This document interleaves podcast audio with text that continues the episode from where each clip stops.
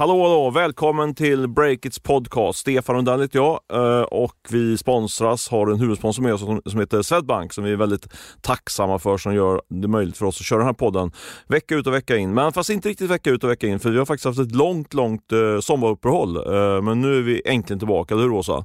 Det är vi äntligen. Ja, du heter Åsa Johansson och är min reporterkollega och jag heter Stefan Rundell, man glömde mm. säga det i början. Ja, det stämmer. Ja. Uh, ja, det, fråga hur läget var. Jag känner mig lite ringrostig här känner jag i poddstudion. Ja, men det, det släpper snart. Jag känner mig ja. lite pirrig, lite så här skolstartskänsla. Alltså på, ett bra, på ett bra sätt. Ja. ja. Fast det känns ändå, det skaver ändå att vi är sist ut med, med uh, nypremiären av, uh, av podden jämfört med alla andra som varit igång två veckor. Men vi har haft en massa att göra kan man säga på andra fronter. Uh, skulle återkomma till det. Men Ja, men vi rullar, rullar på helt enkelt. Vi har, har ju, eh, vi kanske ska uppdatera er som är som eventuellt nytillkomna lyssnare som man brukar säga på i P1. Mm, men det kan väl vara bra. Ja, liksom upplägget här. Vi kör ju veckans möte, vi kör veckans snackisar och veckans köp och sälj. Eh, tre olika segment. Eh, och vi börjar med veckans möte. Ska du eller jag börja? Eh, men kör du. Ja, alltså jag har ju degraderat den här punkten, eh, veckans möte. Jag, till att börja med var det att vi skulle träffas ute eh, fysiskt och sitta och prata länge och så skulle jag ge något spännande input från det mötet. Mm, ja, du var ganska hård på det, nej men det, det gäller att träffas. Liksom. Ja, precis. Och sen så, ja, men det räcker kanske med en telefonintervju. Uh, och sen så, så gick jag ner till att ja, men en sms-kontakt ska vi gå. Och nu tar jag det här ett steg längre, åt, åt fel håll kan man säga. Jag har, jag har faktiskt inte haft någon möten den veckan, eller jag har i och. Men det jag tänkte lyfta upp var eh, att jag haft en massa spännande möten med eh, sådär 100 eh, halvdammiga årsredovisningar. Är inte så dammiga, de är rätt färska de här årsredovisningarna. Vänta, du har inte pratat med någon människa utan du kallar en årsredovisning för ditt möte? Ja, för, ja. för man ja, det läser, var ny nivå. Ja, man läser ju liksom äh, äh, verksamhetsberättelser och de är ju färska de här årsredovisningarna och det är ju en ehm, är ju en eh, del i den här stora anledningen till att, eh, till att jag var lite, vi lite sent på den här podden kan man säga, det är att jag har, jag tillsammans med framförallt min kollega Tobias Blixt ägnat eh, typ en månad åt att och, eh, plöja årsredovisningarna i den glödheta seg segmentet SAS. Ja, SAS, vi måste förklara SAS är. Ska du göra det eller ska jag göra det? Alltså, du är ju expert, men SAS, Software as a Service, precis, står ju det för precis. i alla fall. Jag brukar alltid bli osäker på, på den kombinationen, eh, ordkombinationen. Och jag hatar den i början, men nu älskar den. Nu är det ett rubrikord på breaket. Eh, och det handlar ju om att eh, man tar, eh, tar olika, framförallt företagstjänster ut i molnet och det är mm. en prenumerationbaserad modell. Mm. Det finns ju massa, massa bolag som, är, som växer väldigt snabbt i det och eh, vi gör varje år en SAS-rapport, tredje året i rad nu. Och i det sammanhanget har jag haft alla mina möten. Jag har, eh, jag har mött, mött de här bolagen via deras årsredovisning och eh, tröskat igenom eh, de här årsredovisningarna och så slutat i en 28-sidig rapport som släpptes igår faktiskt. Ja, det är helt otroligt. Ja. Bra jobbat. Ja, Men du, då måste du ju kunna ge oss någonting konkret från dina så kallade möten. Ja, men absolut. Men grejen är så här, jag har ju tidigare haft en viss frustration när jag har gjort de här olika rapporterna. Eh, vi har gjort det i andra, eh, andra segment också, men kanske framförallt i SA-segmentet. Man, man går igenom eh, en massa, massa material och får fram en, gör en bra rapport som jag tycker faktiskt. Men man hinner inte få med allting. Man kan inte, det finns en massa stories där mm. som man inte liksom hinner fånga upp. Men i år så gjorde jag så att jag gick igenom allt materialet och så plockade jag fram typ 15 konkreta knäckidéer eh, som, var liksom bara, som var typ halvrekade då, som vi, som ja. vi nu kommer portionera ut på sajten. Eh, och Det är faktiskt en väldig massa guldkorn där. Jag tänkte, tänkte jag skulle bjuda på, på några sådana guldkorn, sådär, lite teasers som man kommer kunna läsa mer på sajten om. Men eh, du får väl stoppa mig här, jag är väldigt exalterad kring den här. Ja, jag hör det, ja. men kör på. Berätta ja, allt om de här Jag ska försöka prata lite grann i rubriker så, men eh, känner du till Peder Bonnier? Eh, hört namnet men eh, har aldrig träffat. ah, fa, fa, han är ju en, en, eh, man brukar, eller brukar säga, jag har förstått att han är lite grann så här Bonniers okrönta kronprins. Han är ju, ju son till Carl-Johan Bonnier som, en, som, varit en, som var, tror jag var VD och ordförande i Bonnierkoncernen, den stora mediekoncernen. Eh, men eh, eh jag, upptäckte, jag, jag visste ju, jag vet att Peder Bonnier har hållit på med att bygga ett bolag som heter Storykit som varit lite upp och ner kan man säga. Men det som vi har, kan slå fast nu i rapporten det är att nu har det verkligen lyft för, för um, StoryKit och jag tycker det är en liten kul story med tanke på att, eh, apropå story då, så, nej, men jag menar, många tror ju då att Peter Bonnier ska, ska bli eh, VD och den som liksom eh, ska köra hela Bonnierkoncernen men samtidigt då så har han lite grann på sidan av faktiskt byggt upp ett väldigt, väldigt fint bolag i form av Storykit nu och eh, när jag tröskade även... Du, eh, vad ja. gör Storykit? Eh, de, man gör ju den, olika typer av, vi har ju faktiskt använt det själva, och så det. man gör olika typer av filmer på sociala medier kan man säga. På ett, ett verktyg för att göra, mm. för att göra eh, snygga Facebook-videos och sånt där.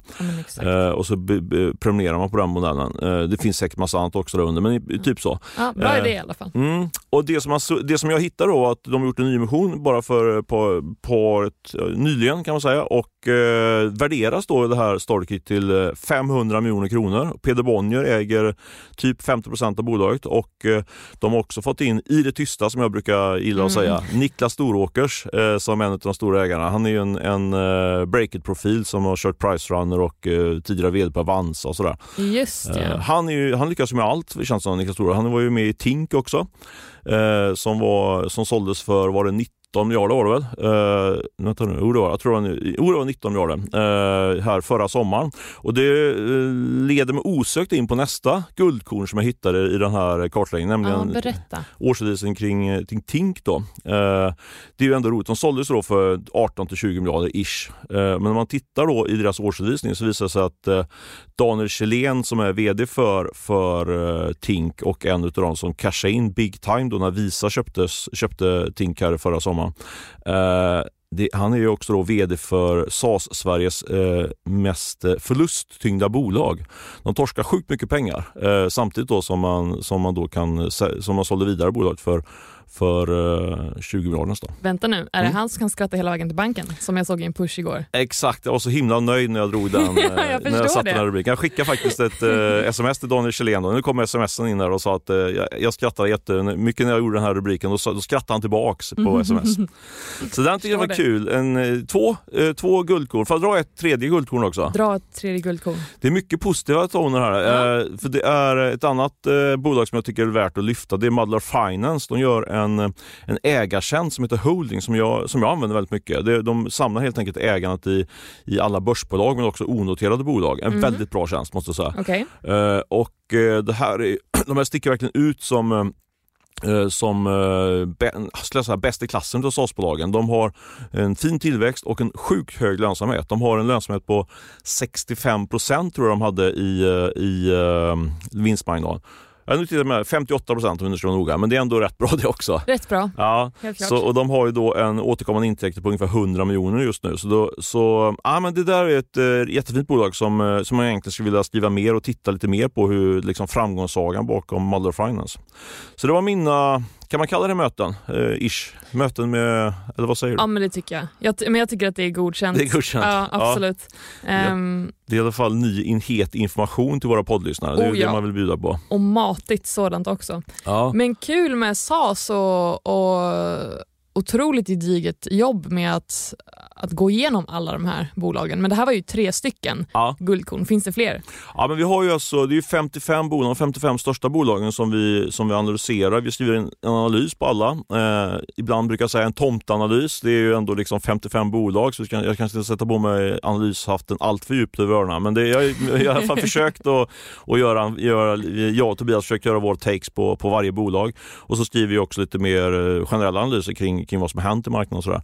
Uh, och den där rapporten, jag är tvungen att säga den då, om man vill komma åt den där rapporten. Ja. Så, som man vill så vill, Det vill man Då skickar man kanske, egentligen kan man ju, på ett sätt kan man enklast gå in på sajten och bara, bara köpa den. Men uh, man kan ju också dra ett mail till, till mig på stefan.breakit.se så kanske jag kan förhandla mig till ett lite bättre pris än det som finns på sajten. Man Oj, vet aldrig. Vilket erbjudande. Men det finns en ja. liten twist på det. Det är att vi vill ju att uh, SAS-branschen ska, ska samlas och, och bygga varandra. Så man köper den här rapporten så får man det i paket med rapport och man får också då komma på vårt eh, superevent SAS Summit som är i början på oktober på Cirkus.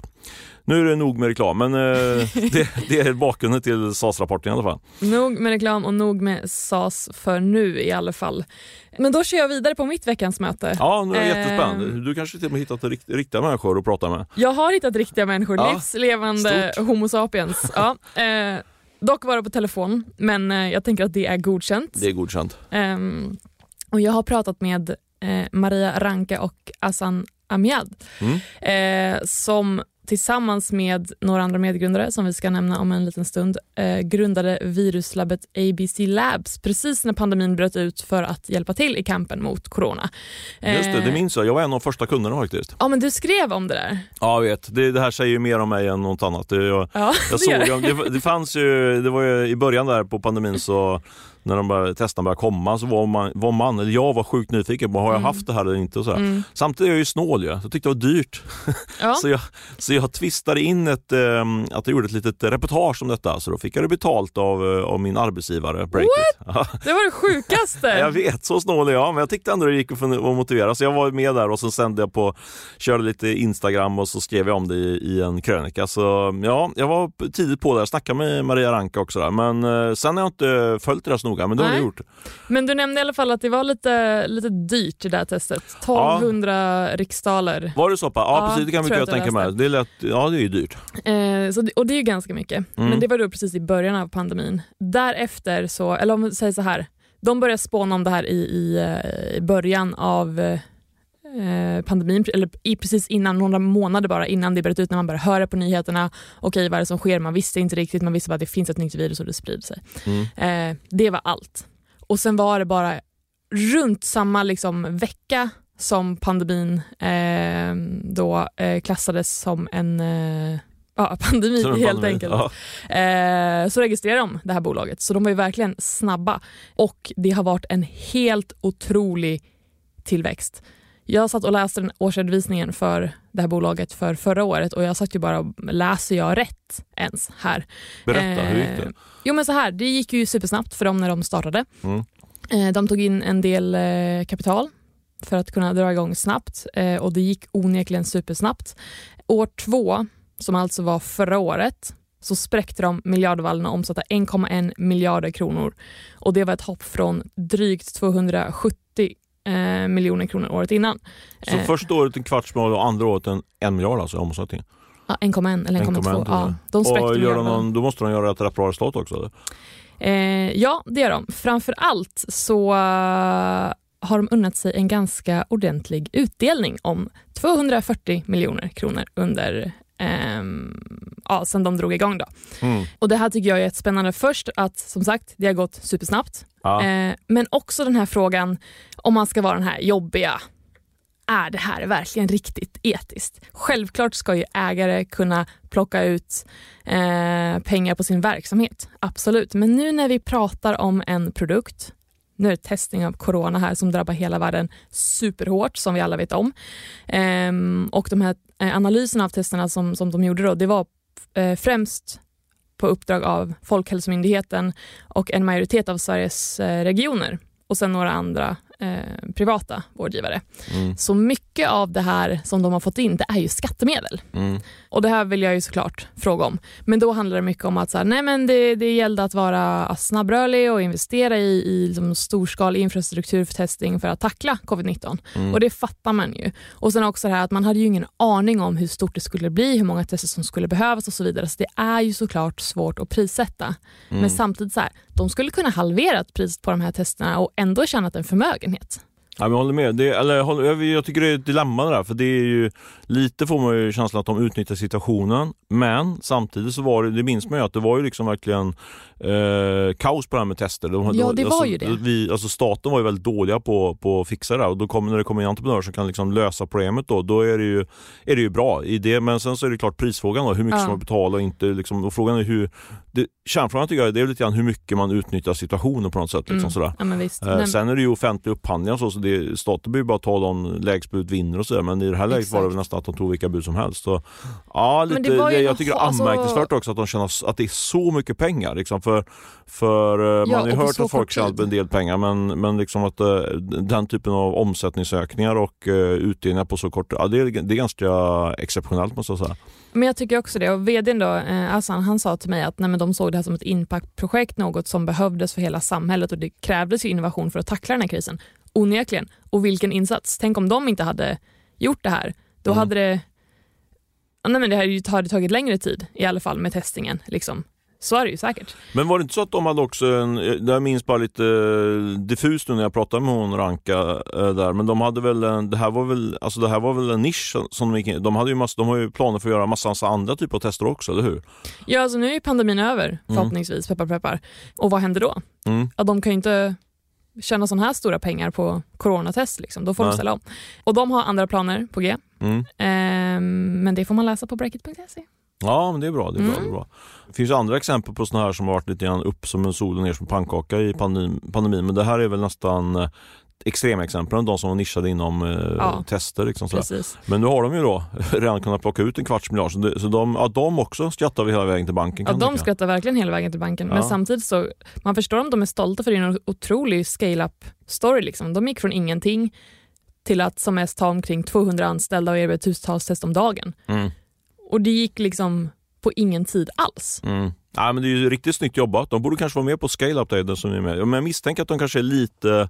Eller hur kändes det när du ringde och pratade med att, att, man lite, att det känns lite, inte skämmigt, men att det kanske är inget man vågar skylta med jättemycket? Eller, var, var, pratade han vitt och brett när du ringde honom? På vilket sätt menar du? Ja, men just tanken att har ni, har ni tjänat en kvarts miljard på, på, på, inte andras olycka, men på något, liksom på, något, på, ett, på ett sätt som skulle kunna ifrågasättas? Liksom. Alltså när jag ställde de frågorna så var ju svaret väldigt tydligt och vinkeln var varje gång nej men vi behövde göra det här och det var svårt med prissättning. Man visste inte hur länge det skulle eh, pågå, mm.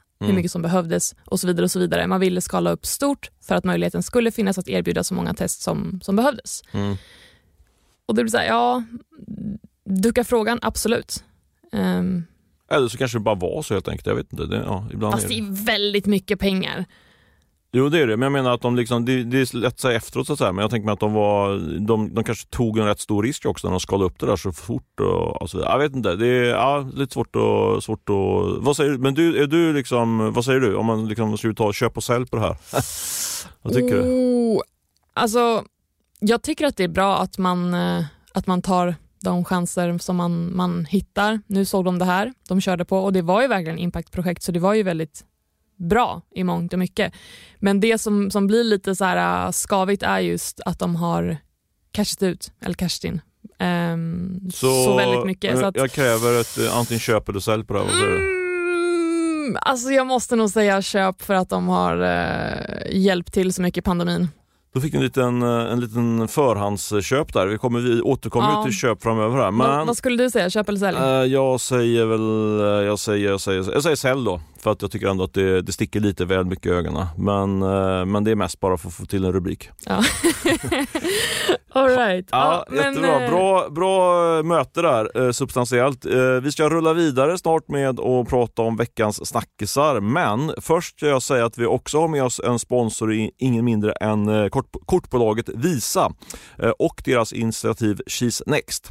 Det är faktiskt ett globalt initiativ från Visa för att främja kvinnligt företagande och det här görs, görs då i samarbete med en finansieringsplattform som heter I found woman.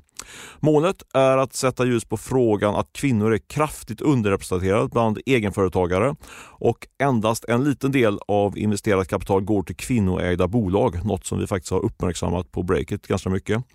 Eh, Visa vill både belysa frågan men även ge konkret eh, bidrag då med eh, verktyg och resurser för att få, ja, få, få lite till förändring helt enkelt. Eh, initiativet vänder sig till kvinnliga småföretagare och erbjuder möjlighet att söka ett stipendium på 10 000 euro plus ett års företagscoaching ska säga, och mentorskap då via I found woman. Uh, totalt delas tre stipendier ut i Sverige och uh, det finns lite direktiv här att bolagen ska vara registrerade i Sverige och ägas till minst 51% av kvinnor. Och så ska de också ha en fysisk eller digital närvaro i Sverige. Eh, låter det här intressant, vilket jag tycker att det låter, så tycker jag att ni ska googla på Cheese Next Visa Sverige, alltså Cheese Next Visa Sverige. Då kommer ansökan och all information upp. Ansök nu, eh, för ansökan stänger den 30 september så ja, det är dags att ta tag i det i sådana fall. Det var vår sponsor och partner Visa och och eh, I found woman. Då tackar vi för det och går vidare till veckans snackis. Och här har vi ju en, en kvinnlig entreprenör i vardande, Åsa Johansson. Du ska snacka om veckans snackis. Eller är du en, ja. en entreprenör på gång eller ligger du kvar i journalistskrået? Nej, alltså jag, jag har fått höra att jag kan liksom ha ett, ett entreprenörstänk, mm. men jag skulle inte starta ett eget bolag. Ja, men jag håller med de som säger det. Jag tror absolut att du skulle ha potential. Men vi vill att du är kvar här och uh, snackar om uh, din snackis. Ja, Vad är det för eh, åh, här ska snackas om ja. snackis. Um, nej, men på tal om pandemin då. Mm. Eh, så, alltså, det dröjde ju inte länge från att det bröt ut och det var jättemånga som jobbade hemifrån, det blev någon hybridlösning, någon dag på kontoret, majoriteten av tiden hemma och så vidare. Och så vidare. Eh, och folk började fråga sig, okej okay, vad händer efter pandemin? Och det har ju varit så ah, nej men eh, det är för tidigt att säga, vad ska man, vad, hur ska man tänka, vad är bäst för, för bolaget, vad, vad, vad vill de anställda och så vidare. och så vidare. Men nu så tycker jag att det här har satts i, eller det har fått ett, ett, ett nytt ljus. För bara för några dagar sedan eller förra veckan så kunde Breakit avslöja att, att H&M inför nya regler och kräver att anställda återvänder till det fysiska kontoret. Och från och med i vinter då så vill H&M att eh, koncernens tjänstemän i Sverige ska vara på kontoret minst fyra dagar i veckan i snitt. Mm. Men alla blev ju inte superglada över det här. Nej, det där får man säga. Vi har fått, vi har blivit översköljda av, mm. uh, av uh, mer tips. Vi fick ju tips om det här och skrev om det och sen så har det ju varit väldigt intensivt med tipsande från alla möjliga håll och kanter. Det är väl Exakt. är det 1500 som skrivit på uh, H&M som skrivit på någon protestlista? Det är tusen eller fler i alla fall som tusen har signat ja. en, en protestlista inom H&M. Men ledningen står fast vid sitt beslut än så länge av vad jag har hört. Så att det är back to the office som gäller helt enkelt. Mm. Eh, och Då kan man fråga sig, okej okay, vad har, vad har alla, alla andra bolag liksom på, på känn? Mm. Har de också verkligen satt ner foten, pekat med hela handen eller är det någon märklig liksom, mellanläge, gråzon, vad är det som gäller? Eh, så vi tänkte att vi eh, undersöker det här, så vi har frågat en mängd med bolag. Intressant, jag har inte ja. hört någonting om det. Vad, vad har ni ja. fått fram för resultat där? Alltså det finns ju några bolag Klarna, Spotify, Juni exempelvis. Mega flexibla. Vad sa du? Klarna, Spotify och Juni? Juni, ja. ja just det, mega det heta bordet i Göteborg. Fast de är inte i Göteborg, de är lite överallt. Där. De är lite överallt, ja. exakt. Eh, och de är så här, nej men välj själv. Liksom. Juni är så här, så länge du är inom rätt tidszon så får du vara lite vart du vill. Mm. Och det är så här, ja, det låter ju nice. Mm. Så jag frågar Lyko, då är det två dagar på distans som är okej okay just nu. Eh, tre dagar på kontoret. Men det är eh, kontoret då, såklart. Det är lagerarbetarna, de måste vara på plats. Ja, ja exakt. Ja. Annars går inte jobbet att, att göras. Liksom. Mm. Eh, men de, så det här gäller ju de som kan vara hemma. Mm. Eh, sen har jag frågat eh, Boost, också som vi granskade i våras i arbetsmiljön, kan jag ju bara flagga för. Men av dem fick jag locket på, de gav ett icke-svar och sa att de inte har kommunicerat några regler för distansarbete och kommer kommunicera det först internt innan de kommenterar i media. Okay. Eh, så ja, där, vi får hålla ögonen på dem tycker jag. Eh, och Sen så frågar jag också, jag vill fråga flera men jag tänker inte rabbla alla här, ja. men så frågar vi IKEA också. Och ja. Det är ju inte en typiskt Nya Näringslivet-bolag, eh, men det är ju ändå mycket e-handel och de är ju superetablerade milt sagt. Och de sa att de riktlinjerna som har satts i den här frågan har satts med fokus på att verksamhetens behov alltid kommer först. Mm. Så de var jättetydliga med det. Och Sen var det lite så här halvluddiga svar om att flexibilitet för medarbetarna är viktigt, man ska vara en attraktiv arbetsgivare och så vidare. Men de var ju ändå väldigt tydliga med att det är verksamheten som ska komma först, inte våra anställda. Mm. De skrev ju inte inte våra anställda, men de, de var tydliga i det, tycker jag i alla fall. Eh, och Det här är väldigt intressant att se liksom, om du tar IKEA som är ja, ett mer traditionellt bolag till skillnad från Klarna, Spotify och Juni eh, som verkligen är eh, skolboksexempel på nya näringslivet, hur mycket det skiljer sig där. Mm, mm. Eh, men samtidigt är det ju många av dem som vi har frågat, de säger också det att nej, men ska man vara en attraktiv arbetsgivare, ska folk söka sig till oss, så måste man också kunna erbjuda en flexibilitet.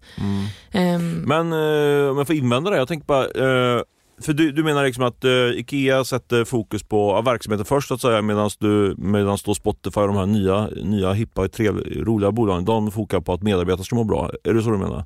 Alltså jag menar att För att de tycker medarbetarna är viktigaste resursen och så vidare? det skulle jag säga. Ja, Ja. De har inte uttalat de orden exakt. Ehm, För jag tänker lite grann så, här- jag, jag tänker lite så att eh, det är egentligen samma sak, och, vad säger man, samma sak, och, samma mynt och sen, fast andra, vad säger man, samma sak och så, ja. Det är same same tänker jag på Ikea och Spotify. För Spotify, okej de fokar på att eh, medarbetarna är viktigaste resursen, att liksom det är de som bygger bolaget och så vidare. Men de är ju medarbet det gör de ju för att, de, för att de, bo, medarbetarna precis bygger bolaget och, Mm. eh, och produkten och verksamheten. Mm. Eh, så egentligen har de ju samma mål som Ikea, även om Ikea säger på ett annat sätt. Liksom. För man skulle kunna argumentera för att Ikea eh, är angelägen med att se till att deras eh, medarbetare är happy och, och motiverade för, att de, då, för det är det bästa för, för verksamheten, tänker jag. Ja, Så det är absolut. lite så, att, lite så att man säger samma sak fast på olika sätt. lite grann. Men, men, jag vet inte, men, men effekten på Ikea, är det att man inte får att man måste vara på jobb? Eller vad är, det vet du inte riktigt? Vad, eller? Svaren jag fick var så här. Medarbetare får prata med sin närmaste chef. Okej. Sen beror det på självklart vilka olika avdelningar det är. Det är ett megastort bolag och så vidare. Men Mm. de har inga så här, nej men ni ska vara på, de som jobbar på kontoret på Ikea, ni ska vara på kontoret fem dagar i veckan. Så upplever jag inte att de har. Men Nej. att liksom riktlinjen är, man är här på jobbet, behöver du vara hemma och jobba hemifrån, ta den närmaste chefen. Mm. Liksom. Men du, invänd, du sa nja, du höll inte med mig riktigt. Vad tänkte du på då? Nej men just med ja, men Spotify exempelvis, de är alltså så här. Om Spotify skulle märka att okej nu är 50% av våra anställda hemma och jobbar eller på något sätt distans och de gör ingenting. Nej, men de kommer ju märka det såklart. Mm. Ehm, så det känns lite mer, ja, men det känns som att det är lite mer tillit där. Mm. Liksom. Nu har jag ju ingen insyn på Ikea. Nej, men jag förstår vad du menar. Men, och, och min, men om man tar H&M vet vi mer om. Där är, kan man, skulle man säga utifrån det resonemanget mindre tillit kan man säga på hm medarbetarna versus eh, Spotify då. Ja, alltså det är väl lite de vibbarna man får. För Mm. Det som, som H&M uttalar sig om i artikeln som skrevs av Breakit så sa de ju att de ser att det, det är viktigt att eh, träffas fysiskt på arbetsplatsen för att främja gemenskap och kreativitet. Men det var, då var det allt liksom. Mm, mm. Och då, jag har ju pratat med några experter i frågan såklart. Ja, har de facit? Eh, ish facit. Ja. Eh, liksom, I hm frågan så säger de så här, okej, först och främst, sånt här måste kommuniceras superduper tydligt. Vad är det ledningen bolaget vill göra och varför? Man måste rama in och förklara hur man tänker och gärna ha data som liksom ger underlag till beslutet så att, inte, nej men så att medarbetare inte får en sån här känsla av att vill de bara ha kontroll på oss nu? Eller så här, nej men vi känner att det är bra för gemenskapen. Det är ju ett superluddigt svar. Liksom. Eh, En av experterna som jag pratar med säger att nej men kolla på jättestora internationella bolag, eh, gärna techbolag som har funnits ganska länge, anställda runt om över hela världen. De har jobbat liksom, med Skype och andra liknande verktyg långt innan pandemin och uppenbarligen så har det gått bra. Mm. Eh, men det är ju också extremt individuellt. Bolag för bolag beror på vad man har för verksamhet men såklart också de anställda. Vi är ju så himla olika allihopa också. Ja, men det märker man ju tydligt på, tyckte jag man märkte under pandemin, att vissa älskar det här med att sitta hemma medan andra efter ett tag hatar det. Liksom, Mm. sådär. Så det Hur var så- du då? Uh, hatar vi hårt. Jag tycker det är rätt nice att vara hemma kanske en dag i veckan och jobba hemifrån. Ja. Det tycker jag. Men jag vill absolut åka in till jobbet eh, majoriteten av dagarna. Mm. För, men då är ju journalistik, är ju, den journalistiken vi bedriver är ju mycket så att man kommer in vid sju på morgonen och, och köttar tillsammans liksom, och det händer saker och sådär. Det, det Mm. blir mycket team. Det, det tycker jag funkar rätt dåligt att på, eh, skicka Ja. på Slack när det händer liksom breaking news och sådär. Ja. Eh, sen är det väldigt kul, sen har vi ju väldigt bra, alltså det är väldigt trevligt kul att sitta och snacka också sådär också. Så det, den, det får man inte alls när man sitter Nej, hemma. nej men precis. Men när man sitter hemma kan man gå och lägga sig en kvart, 20 minuter, ibland en halvtimme kanske mer utan att någon vet om det. Det tycker jag är väldigt skönt. alltså jag, kan typ, jag, jag kan typ inte göra det för jag får så mycket skuldkänslor. Herre, nej men det får du göra. Eller det känns så här, jag är inte din chef. Så det, bara man levererar tycker jag att man får göra lite grann vad man vill faktiskt. Ja, men, exakt. Jag eh, håller med dig.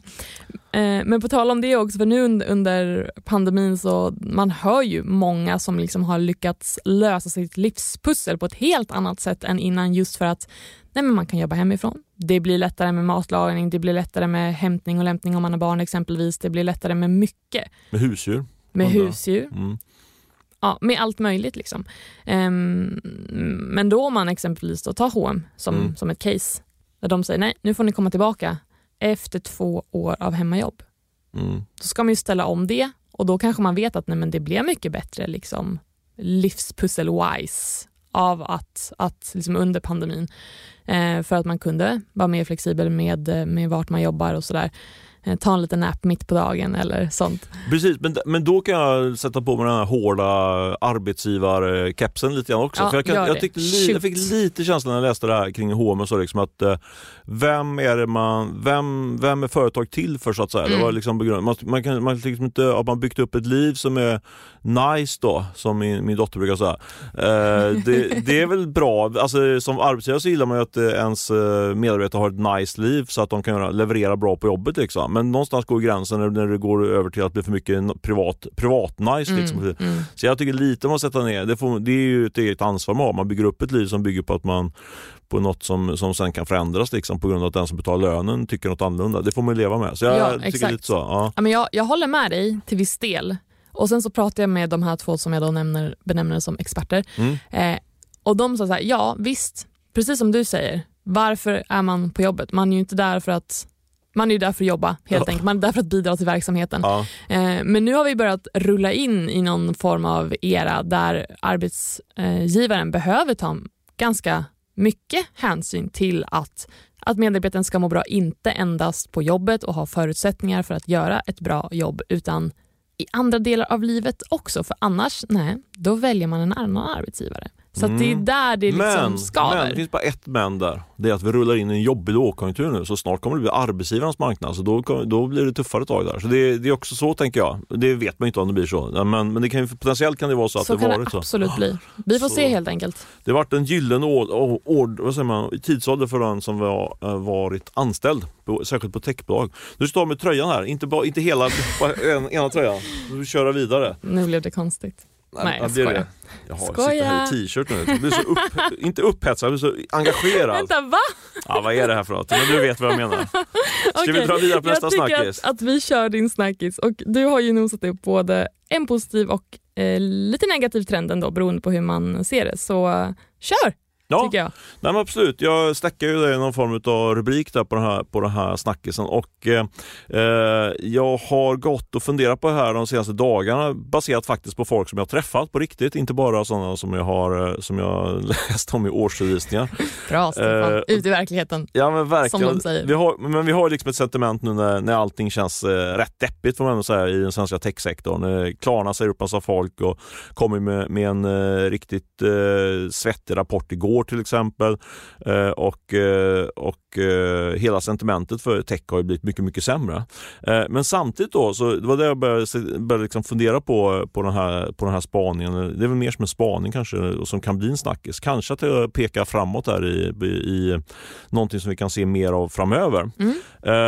För jag snackade med en väldigt stor och tung investerare i techsektorn som uttryckte att han var frustrerad över att han inte hade tillräckligt mycket kapital faktiskt för att investera. För han sa att det kommer dyka upp otroligt mycket spännande bolag att investera i under den här perioden just nu. Liksom. Han Okej. att det finns otroliga möjligheter och eh, Så han ville investera mer än han, vad han är kapabel till. Mm, Ja. Precis, han, hade ju liksom, han, hade, han är, ju, är ju rik men han hade inte så, ja, så vill ha ännu mer torrt krut som det brukar Ja. heta den här världen.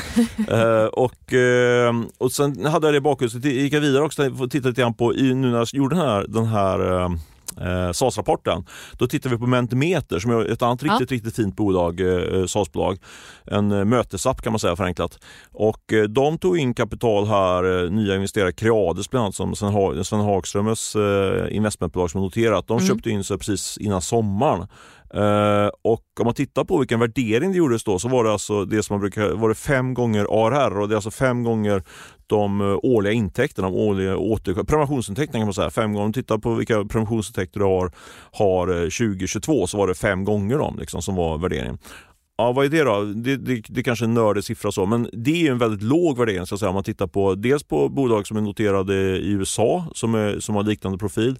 Eh, eller egentligen inte ens har liknande profil, utan som är, som är sämre bolag. Eh, för det här är ett väldigt Mm. fint bolag som växer fort, otroligt fort, med, nästan helt organiskt och i princip gör vinst. Liksom. Så det där var ju liksom ett tecken på att Eh, två datapunkter. Dels att investeraren till, eh, klagar på att de har för lite pengar för att det finns så mycket spännande bolag att investera i. Det andra datapunkten är att eh, de här, typen, av- de här fina bolagen, fina techbolagen, de är ganska billiga nu helt enkelt. Och, eh, Reapriser. Ja, men lite så. Och sen så kom tredje datapunkten. Jag snackade med en annan framgångsrik entreprenör här i, i början på veckan eh, som driver, eh, driver ett bolag som växer fort eh, med lönsamhet. Mm. Och eh, Han vittnar om att eh, de har liksom inget kapitalbehov men de, får, så är liksom, de här riskkapitalisterna och andra investerare de, de ju ändå kontinuerligt av sig till de spännande bolag som de, som de har på radarn. Så att säga. Eh, och han vittnar om att intresset från, från investerare har liksom ökat lavinartat. Det var jättemycket på, han har fått massor med, mycket mer påringningar helt enkelt som, vill, som folk som vill köpa in sig i bolaget. Okay. Eh, så det är datapunkt nummer tre, alltså att fina bolag får väldigt många påstötningar på och det är stort intresse helt enkelt för de där. Men i, alltså, under vilken tidsperiod har det här varit? Ja, men det har skett de sista på senvåren och in, in i sommaren. Och även, och han, han sa att han, han hade typ aldrig haft semester på sommaren. Nu hade han och hans medgrundare unnat sig två veckors semester. Men då hade de liksom blivit, eh, när de kom tillbaka från semestern så efter två veckor så var de helt, mejlkorgen helt överfull med, med eh, förfrågningar. Och normalt sett brukar även mm. den typen av förfrågningar inte vara så aktiva på sommaren. Liksom. Så det, det händer nu kan man säga. Okej, men vad, liksom, har du någon spaning för för nu, nu pratar vi om, om, om det här bolaget, men liksom generellt i techbranschen, är, ser vi liksom en, jag vill inte kalla det en vändning, Nej, nej men alltså, jag tror att om man skulle liksom, varför är det så här liksom då? Eh, vad, vad, ligger bakom det här? Och det, det är att eh, jag tror att vi ser en vi har pratat om det tidigare tror jag, den här podden, man pratar om många olika ställen att det sker en ytterligare, ja, dels ser vi liksom, alltså en polarisering, vi ser mm. en polarisering i samhället rent politiskt men också även mm. bland företagen.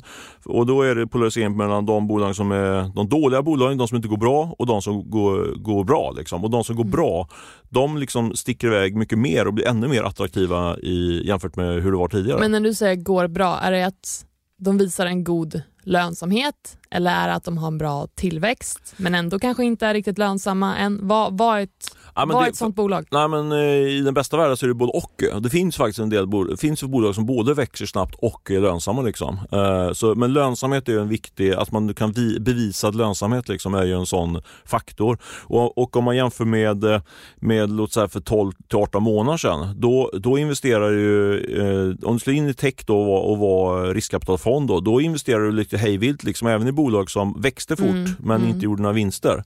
Så det som har skett är att eh, liksom det urvalssortimentet eh, av bolag som du kan investera i om du är en riskkapitalist mm. är mycket, mycket mindre.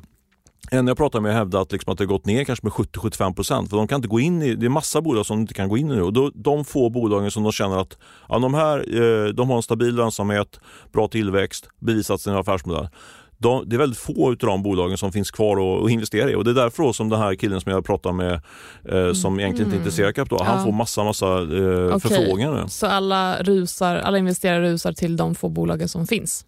Exakt så. så. Ja, ja, exakt så. Och sen är det en faktor till, så om du ska ta liksom förlorare här, lyfta på ytterligare en, mm ett, ett uh, förlorarsegment som jag tycker är intressant i det här sammanhanget.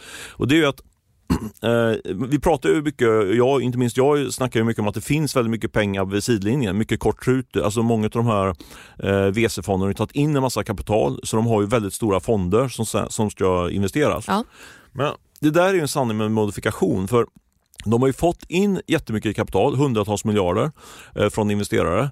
Men eh, de kan ju inte gå, de, det är väldigt långsiktiga relationer med, med, deras investerare så de kan ju liksom inte så att de bara sätta sprätt på pengarna. Liksom. För Nej. de kan inte gå till sina, till sina investerare och säga att nu ska vi investera i det här bolaget som det växer fort men, men eh, gör stora förluster. Då kommer de få nej, nej från investerarna, eller de vågar inte ens fråga den frågan. Liksom. Även om investerarna i, i formellt i avtal har sagt mm, till mm. Eh, fondens eh, eh, management att de mm. får göra nästan lite grann vad de vill med pengarna. Mm. Men det gör de, i praktiken gör man inte det. Eh, och det där gör ju att Eh, när du, bygg, när du startar en fond, eh, låt säga på en miljard kronor, så strukturen är så här att eh, okej, okay, nu har jag en miljard som är committade till fonden, alltså som, som ska investeras. Men det är först när du börjar eh, investera som du, ja. får, eh, som du kan få eh, du, avgifter på de pengarna. För en mm, vanlig mm. fond så mm. betalar du 2% ungefär på den där miljarden. Så, så då hamnar ju då hamnar du i ett dilemma som, som fond, eh, fondentreprenör så att säga. För då investerar du inga pengar, då får du liksom inga avgifter och, driva, och få lön och, lön och kontor och, eh, och konsultkostnader och sådär. Liksom. Nej, så du kan inte bara sitta på pengarna helt enkelt? Nej, precis. Och det här, så det här skapar liksom sån urge of sense. Eh, vad säger man? Urge of... Du är bättre på engelska. Sensity heter det va? Ja. Man är väl, Lite oklart. Men, ja, ja. Fast två, två analfabeter sitter där i studion. Det är på engelska analfabeter. Ja, man Nej, känner det- sig lite stressad i alla fall. Ja, men, ja precis. För då känner man så här, okej, vi måste göra investeringar för att vi, för att vi ska få lite mat på bordet Mm. också. Och Det gör ju också att eh, man blir ännu mer eager på att gå in i de här eh, få bolagen som är liksom investeringsbara. Och Det gör att det skapas liksom en, den här polariseringen och eh, de, som, de bolagen som går bra, de, Mm. de blir ännu mer attraktiva jämfört med vad de var för liksom 12-18 månader sedan. Ja, det var lite lång spaning, men jag tror, tror det där är något som vi kommer få, som vi kommer kunna se ganska mycket av framöver. Att man kommer, de, I de investeringar som, som verkligen görs på den här typen av fina bolag, där kan nog värden, värdena vara ganska höga. Liksom. Så det är eh, bra tider att vara, vara framgångsrik entreprenör kan man säga. Det är väl alltid bra tider att vara framgångsrik är ännu, entreprenör. mer, ännu, mer, ännu, mer, ännu bättre nu kan man säga. Du, sense of urgency säger man. Sen så för, precis så säger man, bra. att du- Eh.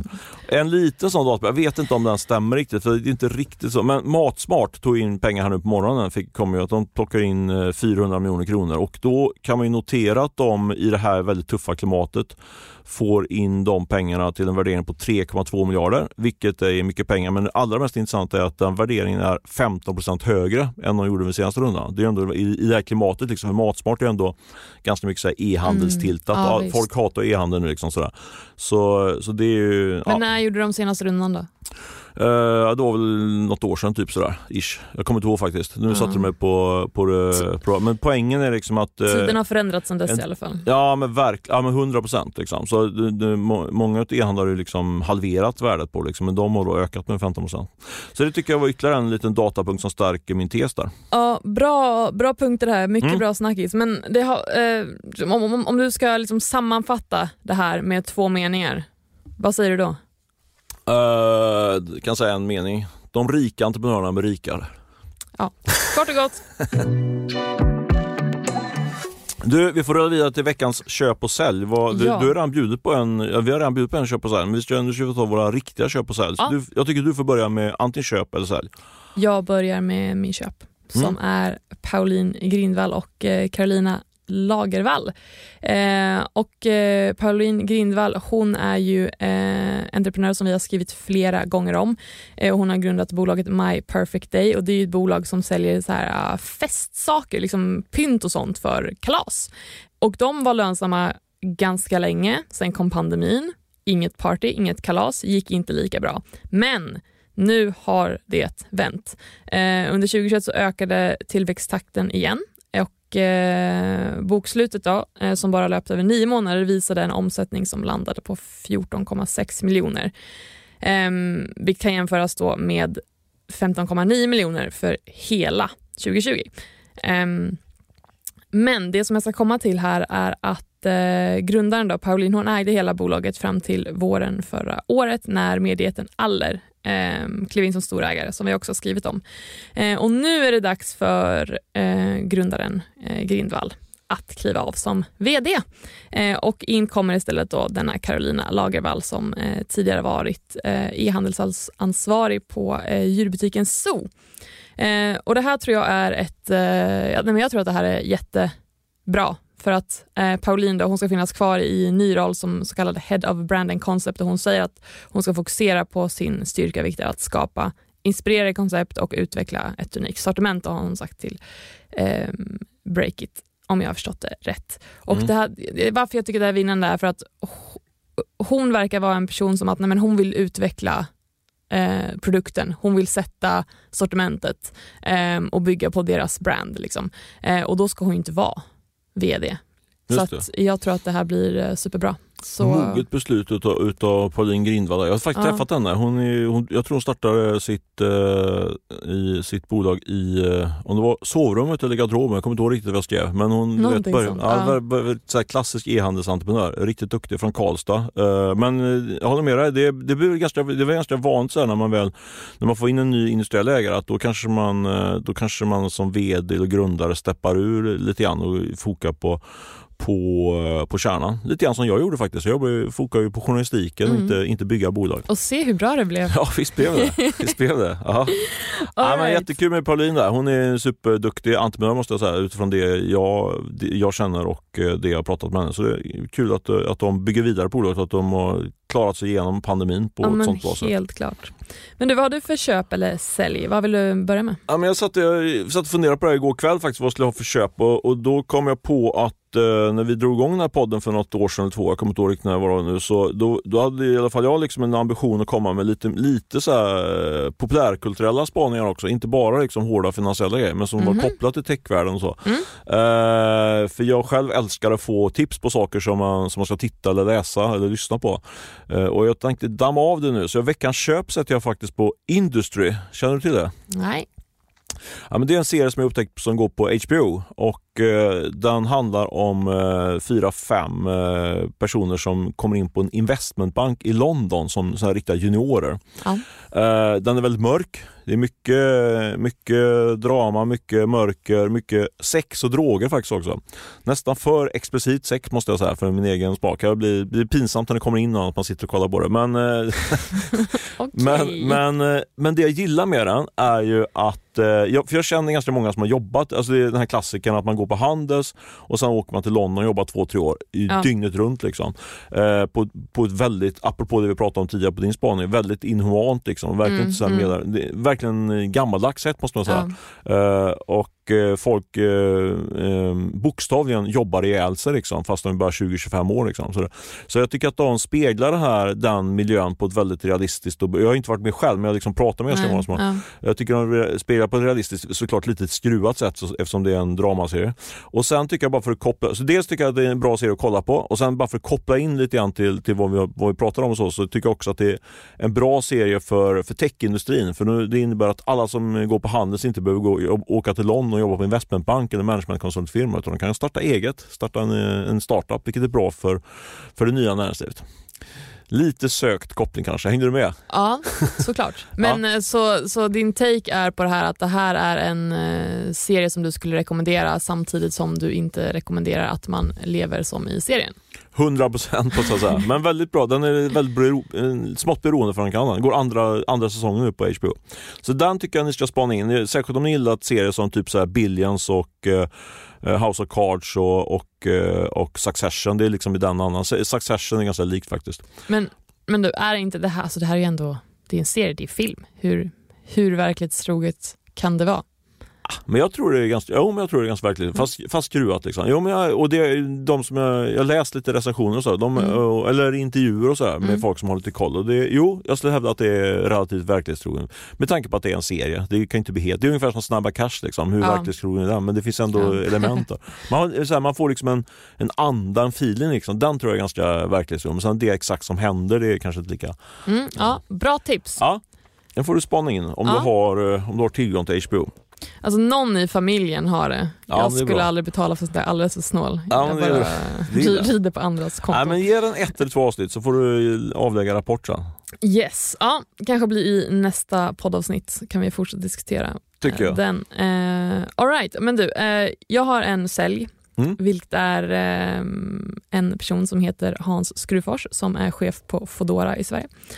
Eh, och de berättade ju igår att de inte längre bara ska leverera restaurangmat och dagligvaror hem till eh, folk, utan nu så har de lanserat att de ska hålla på med tjänster och grejer. Alltså man ska kunna beställa hem tjänster som städning hemma, bilservice och vad jag verkligen studsade på, man ska kunna liksom, få hem en läkare via Fodora. Det där gick du igång riktigt på. Du, du, du, bara, du nästan skrek över relationen när du kom in. Du var Ja, men jag, otroligt exalterad över detta. Förklara varför. Varför Nej, men- är så... alltså just så här Nej men just det här med läkare, Nej, men hur, alltså det som jag studsar på är hur, hur ska de göra det här? Ska de kroka armen åt ett vårdbolag? Ska de själva bli ett vårdbolag? Ska det finnas fodora läkare Ska, vad, vad, vad är grejen? Liksom? Jag har sökt Foodora men de svarade inte. De svarade. Eh, Det var- nej. det var Eller de svarade men de skulle återkomma men så gjorde de inte det. Ehm, Märkligt. Ja, och så det, är liksom, det är det jag undrar. För att, alltså, så här, jag skulle ju aldrig gå in på en fodora app och bara, nu behöver jag en läkare. Nu trycker jag här i appen Fodora. Mm. Så kommer en läkare till mig. Det, alltså, jag skulle ju inte lita på det. Det känns ju inte seriöst. Så det är ju, där måste jag få reda ut vad det är som sker egentligen. För om man, alltså, så här, hems, alltså städning, eh, och de skulle lansera flera tjänster också, typ manikyr, massage och tvätt. Och det är så här, ha? Det är ju skönt, någon kommer hem och tvättar och så. Nej men det är väl jättebasic, det är bara att slänga in lite i en maskin och trycka på start. Hur svårt Jo, kan det vara? Jag vet, jag vet. Eller Ja, men jag, vet, vi är jag hård nu? jag, jag är lite, ah, nej jag tycker att du ska få, du får ringa och snacka med dem och få lite mer kött på benen. Jag, jag kan nog tycka, jag kan nog, jag, jag tror inte, inte alls säker på att det, kommer- om man nu tittar från ett liksom affärsmässigt perspektiv så är jag inte alls säker att det kommer lyckas. Men jag kan förstå logiken i att det är väldigt många som har laddat ner en Foodora app och då är det smart att liksom addera till andra tjänster där så att de kan liksom kapitalisera på den, den kontakten de har med väldigt många konsumenter. Ja, nej, men det Så är tänker klart. Man fattar ju att, varför de gör det. Men sen tänker jag att sen måste man ju utgå från att det är liksom kvalitetssäkrat, liksom, precis som Kry liksom, eller något liknande. Men, eh, ja, det är väl så. Men jag uppmanar att gräva vidare och komma tillbaks med ännu hårdare eh, slag mot Foodora. Ja, nej, men helt klart. Nej, det här måste redas ut. Helt rätt. Okej, vad har du för sälj? Ja, I den här veckan tycker jag även det kommer på nu i morse, så att jag funderar på. Jag känns att det måste bli någon form av dött lopp mellan Klarnas Sebastian Semerkovsky och eh, Meds, det här eh, apoteket, nätapotekets Björn Tongren. Han är VD och grundare på Meds. Mhm. Eh, Sebastian kom ju med en eh, riktigt eh, svettig rapport igår om torska 40 miljoner per dag och eh, allt tyder på att det kommer komma fler uppsägningar på, på Klarna för de liksom, eh, kostnadskostymen är fortfarande för stor och förlusterna för, för höga. Mm. Eh, så det tycker jag renderar en, en sälj på något sätt i, på, på Klarna som bolag. Och Meds då, de gick ut här, jag tror i början på veckan och sa att ja, vi, ska, vi ska direktnotera vår aktie på, på First North. Och sen dagen efter så, så kom de ut och sa nej vänta, vi, får, vi ska vänta en månad med att notera. Vi, vi har inte riktigt eh, lyckats, vi, vi hinner inte informera marknaden tillräckligt eh, noga. Eh, och det finns också, sa, sa Björn Tungren, ett, eh, ett eh, stort eh, intresse för, för bolaget. Eh, jag, vet, inte, jag tycker att det, det känns... eh, Det var en snabb svängning där. Ja, dels snabb svängning och sen så fattar jag inte riktigt logiken att ja, vänta, vi måste, det är så stort intresse så vi måste vänta en månad. Jag får inte ihop det riktigt. Det, Nej. jag tycker att det ligger någon, någon form av hund begraven här. Det är ju flera som har varit på det här men det är ingen som har riktigt... Jag försökte gräva lite grann på det igår kväll här men jag fick kommit till oss. kanske bara är så men, men eh, jag tror att den där eh, att vi potentiellt kommer få höra mer om det där, vad, vad som verkligen ligger bakom. Men jag kanske bara är konspiratorisk. Det kanske bara var att Men kan det vara någonting annat som är på G från någon annan front som gör att de vill pausa och se vad det nu vad det kan vara kan leda till? Mm. Ja men visst, att de, att de liksom fått intresse från andra håll och så, så vänt, avvaktar de med noteringen. Det, visst, det skulle kunna vara en positiv tolkning på det. Det kanske är du som är helt rätt. Det kanske, det kanske är veckans köp istället på Medsa, inte vet jag. Ja, vi får se.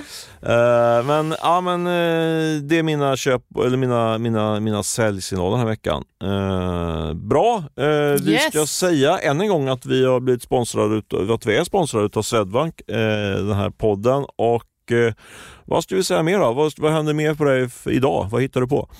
Oh, idag ska jag eh, försöka kroka upp lite intervjuer inför nästa vecka som jag har spaning på. Men jag kan inte säga vad det är.